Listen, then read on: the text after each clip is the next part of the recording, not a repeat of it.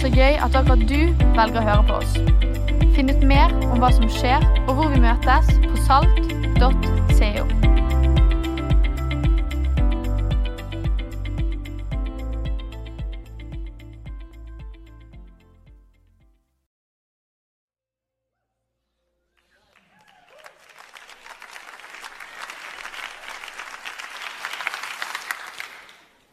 Skal vi be en bønn sammen om at Gud skal tale til oss?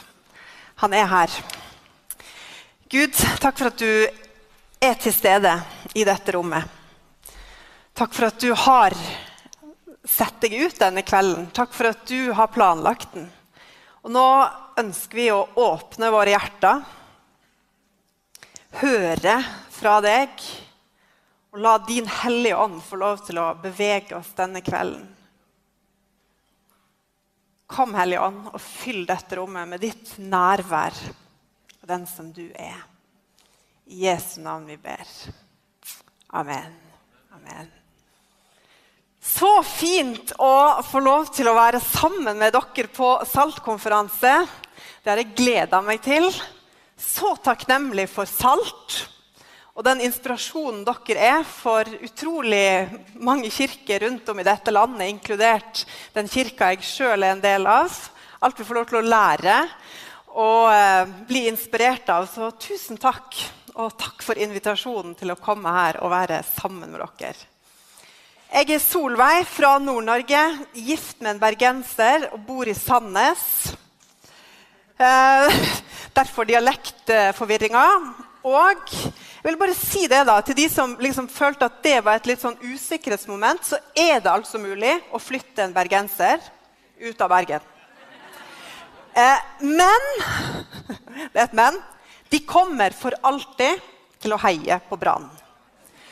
Eh, og de kommer til å lære ungene sine brannsanger. Og dattera mi på to år hun eh, har som regel ett eller to utbrudd i løpet av en dag i sånn mer eller passende anledninger, der hun plutselig synger 'Heia Brann'. Så vi er alle glad nå for at Brann har rykka opp. sant? Det er fint. Vi gleder oss over det i Sandnes òg. Så det er bra. Du, Jeg har òg to gutter på fem og sju år. Og han ene han kom inn til meg på kontoret en dag jeg satt og forberedte meg til denne talen og lurte på hva jeg holdt på med, så sa jeg at jeg skulle forberede meg til en samling for noen voksne i Bergen. og satt og skrev ned hva jeg skulle si. Så da mente han at han måtte få lov å skrive inn en setning. Så nå tar jeg den med.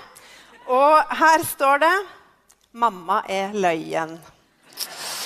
Så da vet dere det. Det var beskjeden fra han. Sjøl så eh, nærmer jeg meg 40. Så meg og mine venner vi er på god vei inn i 40-årskrisa. Så det er jo spennende å se hvordan det går. Kanskje jeg skal skrive en bok. Jeg har jo ingen bok å selge foreløpig her. Eh, men så eh, Ja. Du slapp å kjøpe bok etter det, dette møtet. Eh, men jeg ser på det med litt sånn eh, skrekkblanda fryd. Hva er det vi liksom kommer til å ende opp med der om noen år? For livet det inneholder jo mange faser. Eh, og hver fase har både muligheter og utfordringer som noen ganger kan utarte seg som en krise. Derfor sånn 40-årskrisa. sant? Og For ca. ti år siden så skrev jeg en tekst om 20-årskrisa som ingen fortalte oss om. Eh, og Der prøvde jeg å sette ord på noen ting av det som overraska meg eh, i midten av 20-årene, og som ble en sånn litt krise for min del. Eh, og som jeg fant ut etter å ha satt ord på det, at veldig mange av vennene mine de var i den samme krisa sjøl. Og i den krisa så, der i 20-årene så handla det om at ting ikke var så svart-hvitt og så enkelt som jeg hadde trodd. Det var ikke alt som hadde enkle svar, heller ikke når det kom til tro.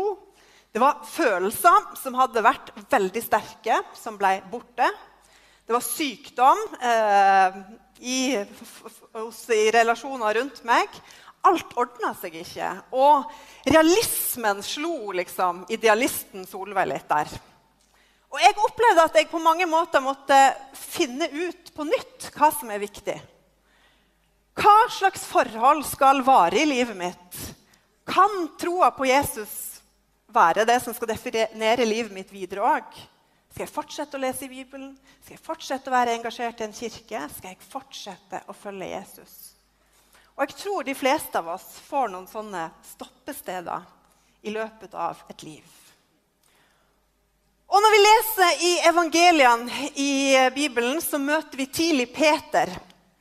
Han var en av de som får invitasjonen fra Jesus. 'Følg meg.' Og vi kan lese at han bare slapp det han hadde i hendene, og fulgte etter Jesus. Nærmest som det var det enkleste valget i verden. Selvfølgelig! Jeg vil følge deg, Jesus. Jeg er med. Og så blir det tre veldig spennende år. Og så nærmer det seg slutten for Jesus sin tid på jorda. Og De snakker om hva som skal skje videre, og Jesus han hinter sant, til disiplene sine om hva som venter, om døden som venter han, og han sier folk kommer til å svikte meg. Og Peter, som så mange ganger før, han er tydelig. OK, kanskje alle de andre er Jesus, men ikke jeg. Jeg svikter deg ikke. Jeg er klar til å gå i fengsel for deg. Jeg er klar til å dø for deg. Jeg er klar til å gi alt for deg, Jesus. Du kan regne med meg. Det er akkurat som han sier. Og Det er vel gjerne det vi kan kalle for å gå litt sånn høyt ut. Men for Peter var det selvsagt. Det var jo det han ville. Det er jo meg og deg, Jesus. Og jeg kan kjenne meg litt igjen i Peter. At, men det er jo dette jeg vil. Og For de som kjenner historien, så vet dere at det ikke er mange timene etter det her at Peter han feiler og feiger sånn skikkelig. Han klarer det ikke. Det var ting rundt han som forandra seg drastisk. Og selv om han på en måte var forberedt, så klarte han det ikke. Og Jesus fikk rett i at han kom til å svikte han tre ganger. Og det er krise. Og han løper derfra og gråter. Vi kan jo bare forestille oss hva som går gjennom Peter sitt hode den kvelden. Og det kunne jo blitt det siste vi hørte om Peter. Men det er det ikke. Peter han møter Jesus flere ganger igjen etter at Jesus sto opp fra de døde. og En av gangene er i forbindelse med en frokost på stranda. Det høres jo ganske idyllisk ut. Og Etter at de har spist, så snakker Jesus og Peter sammen. Og Jesus han spør Peter, 'Elsker du meg?' Og Peter svarer, 'Ja, du vet jo det, Jesus'. Og så følger Jesus opp med en beskrivelse til Peter av det som er kallet hans. Nemlig å være en hyrde, pastor, leder for andre. Det Peter har visst før. Men Jesus sier igjen dette er jo kallet over livet ditt. Og så spør Jesus en gang til elsker du meg. Peter svarer. Og Jesus forklarer. Og så enda en gang. Og så sier Peter, 'Jesus, men du vet jo at jeg er så glad i deg.' Og Så snakker de litt til, og så gir Jesus invitasjon på nytt til Peter. Den samme som han har fått tre år tidligere. Så sier han, 'Følg meg'. Han gir invitasjon på nytt og sier, 'Følg meg'. Så velger Peter og følge Jesus inn i neste fase.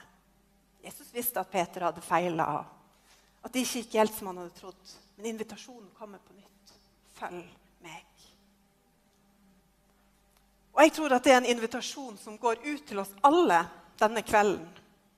Om det er for første gang, om det er for andre gang, om det er for femte gang eller n-te gang, så er Jesus' sin invitasjon til oss følg meg. Følg meg. Kan man følge Jesus et helt liv? Kan troen være en tro som får lov til å vokse?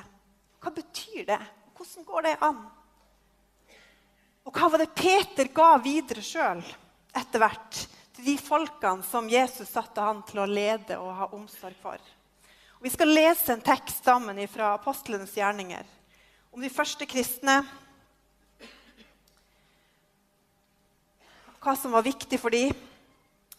Og det er jo en tekst som kommer rett om de første kristne, den kirka som kommer rett etter at Peter sjøl har vært i aksjon. Det er tusenvis av mennesker som har kommet til tro. Og så står det i Apostelens gjerninger 2, 42, at de holdt seg trofast til apostlenes lære og fellesskapet, til brødsbrytelsen og bønnene. Hver og en ble grepet av ærefrykt, og mange under og tegn ble gjort av apostlene. Alle de troende holdt sammen og hadde alt felles. Og Her står det om fire ting som de holdt seg trofast til. eller annen oversettelse står det at De holdt urokkelig fast ved. Læren, fellesskapet, brødsbrytelsen, altså nattverdet, måltid som de spiste når de kom sammen, og bønnene. Så kunne vi hatt eh, ett punkt om hver av de fire, men jeg har heller tre punkter om én. Ikke, ja, fint. Ikke fordi de andre ikke er viktige, men for de holdt urokkelig fast på alle disse fire tingene. Men jeg har i dag at vi særlig skal lyst til å se på hvordan vi kan holde oss trofast til fellesskapet, og hva fellesskapet har å gjøre med min etterfølgelse av Jesus. Så kan jo du kanskje ta en runde på de andre tre sjøl, om du vil det. Når vi leser i eh, Bibelen, så ser vi at etterfølgelse og det å tilhøre Gud det er ikke soloprosjekt, men det er noe vi gjør sammen. Allerede i skapelsen så ser vi at mennesket er skapt til fellesskap. I første Mosebok så står det, det at eh, Gud sier at la oss lage mennesker i vårt bilde så de ligner oss. De skal råde over fisken i havet og fuglene under himmelen, over fe og alle ville dyr og all krypet som det kryr av på jorden. Og Gud skapte mennesket i sitt bilde. I Guds bilde skapte han det. Som mann og kvinne skapte han dem. La oss skape mennesket i vårt bilde. Gud sjøl er fellesskap, og i det bildet ble vi skapt til å leve sammen. Og når vi leser gjennom Bibelen og Det nye testamentet, så er det veldig lite du, meg, mitt, mine, dine. Men det er veldig mye dere, dere, dere, dere. Vi, oss, søsken. Og det er noen, kanskje noen ting vi trenger å minne oss på i vårt utfattelig individualistiske samfunn, der vi ofte snakker om meg og mitt og min tro, og det er noe fint med det. Men vet du hva? et liv i etterfølgelse det blir vanskelig uten fellesskap. Og De første kristne de holdt urokkelig, trofast fast på det. Og Hva slags fellesskap trenger vi da for å få lov til å vokse i tro og si at det styrker min etterfølgelse av Jesus gjennom et helt liv. Jeg tror vi trenger det store fellesskapet. Fellesskapet av de troende. Når Paulus ber for menigheten i Efesos, så ber han følgende bønn. Skal vi lese fra Efesebrevet. Derfor bøyer jeg mine knær for Far han som har gitt navn til alt som kan kalles far i himmel og på jord. Må Han som er så rik på herlighet, gi deres indre menneske kraft og styrke ved sin ånd. Må Kristus ved troen bo i deres hjerter, og dere stå rotfestet og grunnfestet i kjærlighet.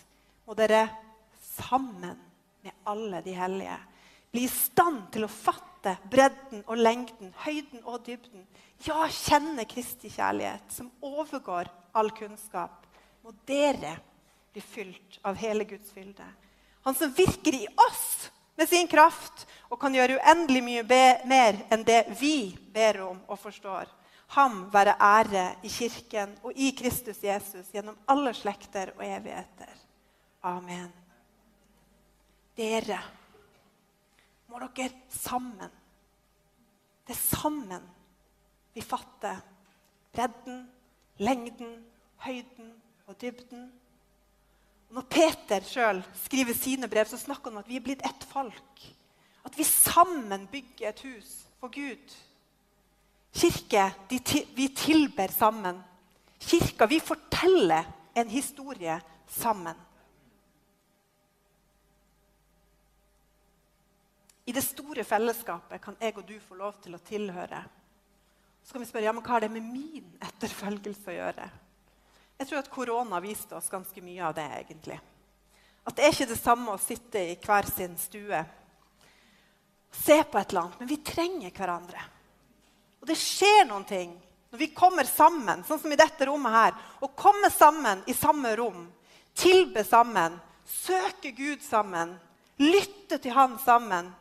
Dele det vi har fått, med hverandre. Dere, dere er verdens lys. Vi skal lyse sammen. For verden, men også for at vi skal leve i lyset sjøl. Jeg tror vi trenger hverandre for å leve i lyset, fordi at sammen er vi verdens lys. I Hebrevet 10 så kommer det en sånn fin oppmuntring. Der står det La oss holde urokkelig fast ved bekjennelsen av håpet, for Han som ga løftet, er trofast. La oss ha omtanke for hverandre, så vi oppgløder hverandre til kjærlighet og gode gjerninger. Og la oss ikke holde oss borte når menigheten vår samles, som noen har for vane. La oss heller oppmuntre hverandre, og det så mye mer som dere ser at dagen nærmer seg. Dette vil jeg holde fast på. Dette vil jeg holde meg trofast til. Og Gjennom å plassere meg i det, i det, store fellesskapet så skjer det også noe med min tro. I de fasene jeg ikke klarer å tro så mye sjøl, så er det andre som tror for meg. Og så fortsetter jeg å la tilbedelsen, bønnene og Guds ord få fortsette å prege mitt liv. Og vet du hva? Det gjør oss oppgløda og oppmuntra til å fortsette å følge Jesus. Og så tror jeg òg et annet type fellesskap, og som jo er i kirka. så Alle disse her går i hverandre. Men som vi trofast skal holde med, og som det har vært så eh, fint lagt ut for oss denne helga, det er fellesskapet på tvers av generasjoner. Gud er en gud som er generasjonene sin gud. Og Det har kommet veldig tydelig fram denne helga. Og Når vi leser i Bibelen, så ser vi veldig lite aldersinndeling. En av de gangene Jesus faktisk blir sint, er jo når disiplene hans prøver å si at Jesus er for opptatt til å være sammen med ungene. Ungene passer ikke inn her akkurat nå. Da blir Jesus sint. Så sier han stopp. La ungene komme til meg. Guds rike tilhører de. Og I vår etterfølgelse så tror jeg vi trenger hverandre på tvers av generasjoner. Vi trenger barna som minner oss om de enkle sannhetene og gang på gang demonstrere for oss hva det er Guds rike egentlig handler om. Vi trenger, vet du hva? Vi trenger ungdommer som har en sånn ungdommelig iver, lidenskap og mot og frimodighet som får lov til å smitte på oss andre. Og så trenger vi òg de som har vært gjennom en eller mange faser før oss. Som har vært ute en vinternatt før, som vi sier i Nord-Norge. Og som har gått en reise sammen med Gud, og som har sett Gud i ulike perioder og gjennom et liv lært å høre hans stemme. Som kan modellere for oss hvordan er det egentlig å følge Jesus i neste fase. Og Bibelen er full av sånne nære relasjoner på tvers av alder. Vi har, vært, vi har fått høre om flere av de denne helga, men Moses gikk til svigerfaren sin når han ikke visste hvordan han skulle organisere og lede folket videre. Ruth hun fikk et nært forhold til svigermoren sin og hennes tro. Og da mannen hennes døde, så ble svigermora på mange måter holdepunktet for Ruth.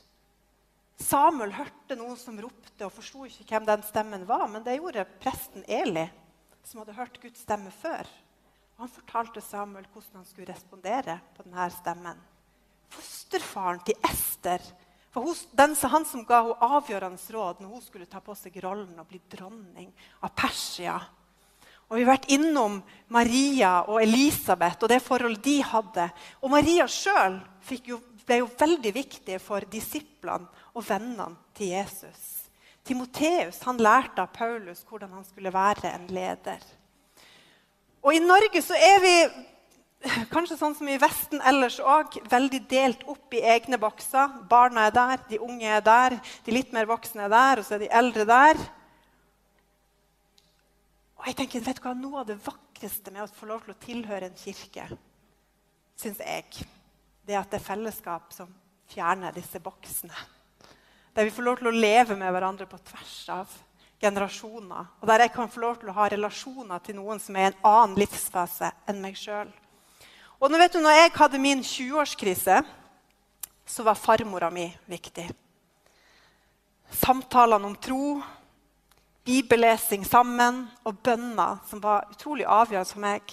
Og så satt jeg der med denne 90-åringen. Og så husker jeg jeg satt og tenkte dette holder. Troa Altså, farmor, du viser meg. Vet du hva det går an? Jesus var ikke bare for en periode i tenåra og begynnelsen av 20-åra mine. Men vet du hva, det holder til du er 90. Og videre så har jeg lært så mye av bl.a. Elisabeth og Leif Gunnar og Kjell Roar og Ingrid og Åsulf og Åse. Både i hverdagen og i kirka. I sofaene deres og i feiringer. Tenk å være 35 år og få lov til å komme som venn i en 60-årsdag. Det er kjekt. Så har vi delt hverdag og liv, men òg i de periodene jeg har hatt mine utfordringer. Og jeg har grått mine tårer, blitt lytta til, blitt bedt for, hørt ting fra noen med mer perspektiv enn meg sjøl. Det har vært så betydningsfullt. Og Tenk at vi kan få lov til å ha sånne relasjoner. Og Jeg har bare lyst til å oppmuntre deg som er ung, tenåring, i begynnelsen av 20-åra, til å spørre de som er voksne i din kirke. Hvorfor er du her? Ikke sånn, hvorfor er du her? Men hva, hva gjør at du er her enda? Hva er det du har opplevd med Jesus? Hva kan jeg lære av deg? Så håper jeg at vi som er blitt voksne, tar initiativ til å fortelle våre historier fortelle om hvorfor vi er her fremdeles. Det er så fint. Og så ungene, da. Åh, er det noe som stadig vekk minner meg om hvem Jesus er, så er det mine egne barn. Som minner meg om den tilliten jeg kan få ha til Gud. Å, for et vakkert fellesskap! Det vil jeg holde fast på! Holde meg trofast til. Og så er det ett aspekt til jeg hadde lyst til å ta med denne kvelden, og det er de nære relasjonene. Vennskap. I ordspråkene 27 så leser vi at jern kvesser jern. Og det ene mennesket kvesser det andre. Og som ansikt speiler seg mot ansikt i vannet, finner det ene mennesket sitt hjerte igjen hos det andre. Og vet du, på avstand så ser det meste verken bra eller dårlig ut. Sånn, hvis jeg ser på, Nå ser jeg ganske bra de som sitter fremst her, men de på bakerste da, de bare litt sånn ser, Jeg kan ikke si at dere ser bra ut. Men jeg kan ikke si det ser dårlig ut heller, for jeg vet ikke. Liksom Her er jeg, og der er du. Langt unna. Men det er når vi kommer nær nok hverandre at vi ser hvordan tilstanden er. Det er når vi kommer nær nok at vi kan se gleden og forventningen og lyset i øynene til noen. Og det er når vi kommer nær nok at vi kan se tårene som renner. Såret på hånda, foten som halter, eller fortvilelsen i øynene til noen. Det er når vi kommer nær nok at vi kan glede oss med de som er glad. Og det er når vi kommer nær nok at vi kan gråte med de som gråter. Og jeg tror at vi mange ganger kan tenke, bli frista til å tenke at der er de sterke, og der er de svake. Sånn vi hørte et bibelvers at skal, de som er sterke, skal hjelpe de som er svake. Akkurat som vi har en gjeng med liksom svake og sterke. vet du hva? Livet det går i bølger. Noen ganger er jeg sterk, andre ganger er jeg svak. Og vet du hva jeg trenger da? Da trenger jeg noen, noen, som er nær nok til å se at her trengs det litt bærehjelp. Kanskje til og med noen ganger noen som trenger å bære meg. Akkurat som de fire vennene som bar vennen sin til Jesus fordi han ikke klarte å gå sjøl. Noen som deler sin tro med meg, som forteller meg noe de har lest i Bibelen. Et bønnesvar eller noen, noen ting de har opplevd Gud gjøre. Noen ganger trenger jeg det, andre ganger trenger vennen min det. Av og til trenger jeg at noen ber fordi at jeg klarer det ikke sjøl. Det krever noe av oss. Det å tørre å slippe folk innpå. Tørre å være sårbar. Tørre å bekjenne synd. Tørre å be om hjelp. Vet du hva, Når vi gjør det, så er det en sånn ufattelig rikdom. Jeg er så takknemlig for de vennskapene som er sånn nært på. At vi er noen som har bestemt oss for at vi går sammen på denne veien. Hvor vi snakker sammen om hva det vil si å følge Jesus der vi er nå. Hvor vi ber sammen, hvor vi deler opp- og nedturer, åpenbaringer, spørsmål, utfordrer hverandre. Ikke bare jatter med, men et sånn jern som sliper, kvesser det andre. De siste årene har samtalepodkaster gjort sitt inntog. Hvorfor er sånn samtaler? Egentlig du setter øynene og hører på to stykk, tre stykk som snakker sammen om et eller annet. Og En av de som har en av disse store sånn, samtalepodkastene i USA, han ble spurt om hva, hva er det som gjør at sånne podkaster er blitt så populære. Så svarer han at han tror det er fordi at vi lytter til samtaler vi skulle ønske vi sjøl hadde. Så fordi at vi ikke har de samtalene sjøl, så setter vi det på øret og hører på noen andre som snakker om et eller annet dypt som har dype, meningsfulle samtaler om livet og om tematikk som er mer enn Netflix og scoringene til Haaland. Selv om de er ganske gøy å snakke om, de òg. Og Vi kan godt fortsette å lytte til podkast, men la oss ha disse samtalene i våre egne liv òg. Om tro, om etterfølgelse, om livet, om tematikk som går litt mer enn bare scratche overflaten. Og da må vi være mer enn sånne Snap-venner så vi bare liksom viser en fasade og alt det kule vi gjør, men der vi faktisk tør. Da må vi være litt sånn be real. sant? Jeg var sammen med noen uh, ungdommer sist helg som uh, har Be Real. Og så, de, så, hadde de tydeligvis fått da, varslinga for en stund siden. Så sa de sånn Ja, nå kan vi ta et Be Real-bilde. tenkte jeg, ja, Nå mista litt poenget. Eh, men, men?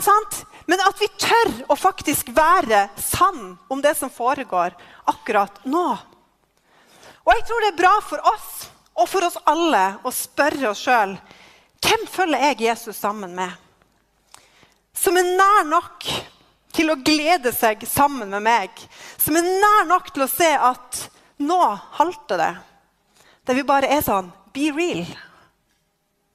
Det er et ordtak som sier at hvis du vil gå fort, så gå alene. Hvis du vil gå langt, gå sammen. Vet du hva? Vi vil ikke dette bare for en kort periode. Jesus er for hele livet. Og jeg vil gå sammen med noen i min etterfølgelse. Det vil jeg holde fast på. Det vil jeg holde meg trofast til. Jeg håper vi er oppmuntra til å ta valg og gjøre prioriteringer for å holde fast på fellesskapet. Fellesskapet av de troende, fellesskapet på tvers av generasjonene. Fellesskapet med de nære relasjonene som er nær nok til å kunne både le og gråte sammen. Hvem følger jeg Jesus sammen med? Peter han fant tilbake til gjengen sin.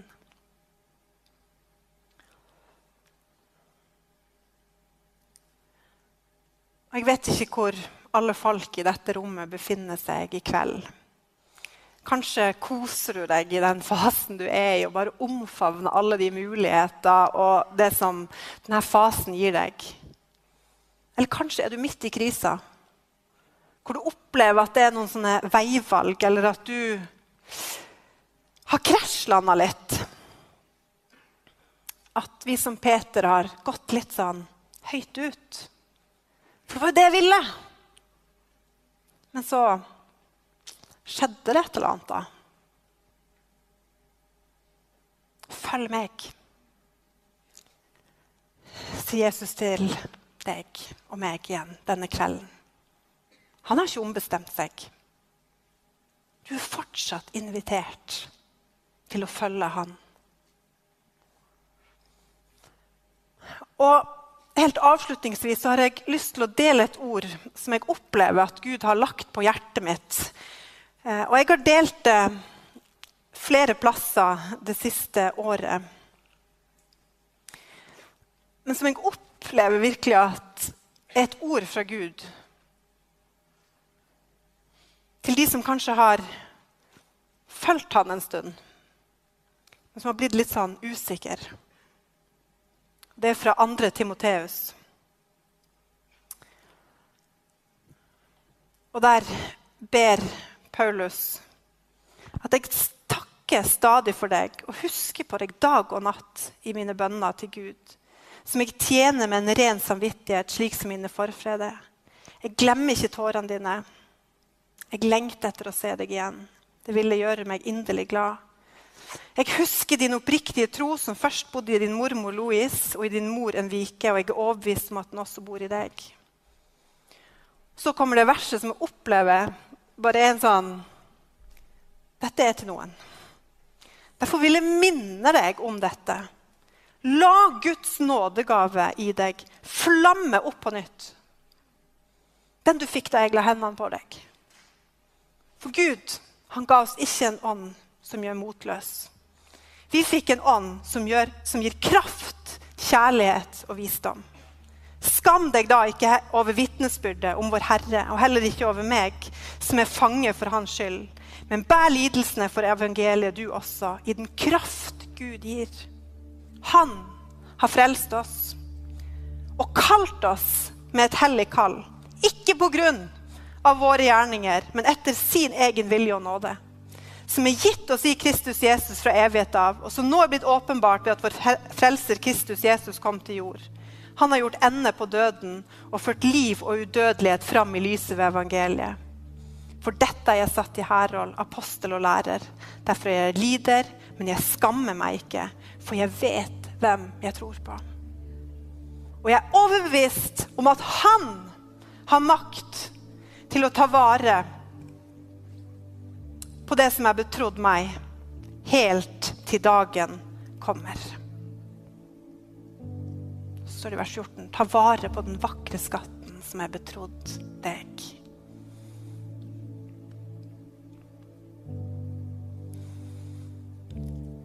Skal vi reise oss?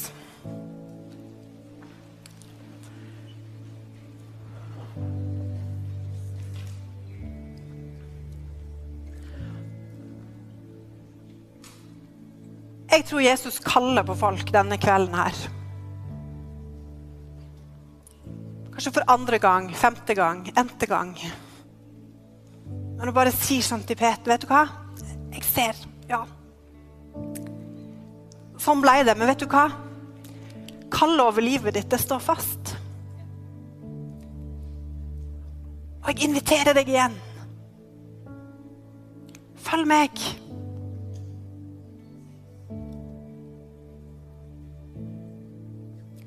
Så er det kanskje skuffelser eller ting som gjør at du er der du er. Vet du hva? Den hellige ånd er her. Og han er ikke en ånd som gjør oss motløse. Men han er en ånd som kommer med sin kraft. Kjærlighet der det trengs. Visdom der det trengs. Vi skal ta og be sammen. Men så har jeg òg lyst til å invitere deg som kjenner at vet du hva, det traff meg denne kvelden. Jeg vil at det skal få lov til å flamme opp i meg på nytt. Jeg vil ta imot invitasjonen fra Jesus igjen. Følg meg. Så vet jeg at det er, veldig, det er forbedre her som har veldig lyst til å be for deg. Legge hendene på deg. Be om at du skal få lov til å bli fylt med Den hellige ånd og den kraften den kjærligheten og den visdommen. Og jeg har lyst til å utfordre deg til å benytte deg av den muligheten denne kvelden. Det skjer noe òg idet vi tør å ta steget ut. Bare si, 'Vet du hva? Ja, Jesus, jeg er her. Jeg vil fortsette å følge deg.'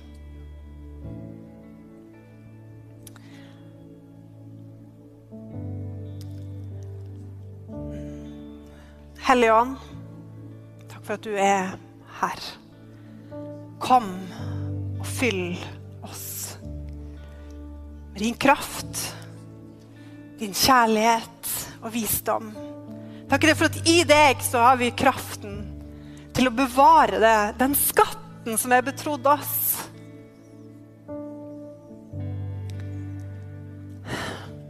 Og vi vil be deg om bare din guddommelige hjelp til at troa vår skal få lov til å bevares, skal få lov til å vokse.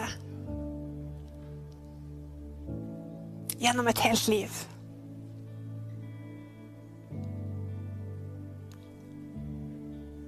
Vi vil følge deg, Jesus.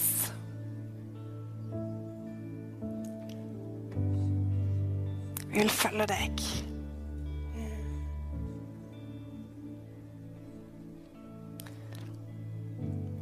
Vi synger sammen, og så er det mulighet å få forbønn der.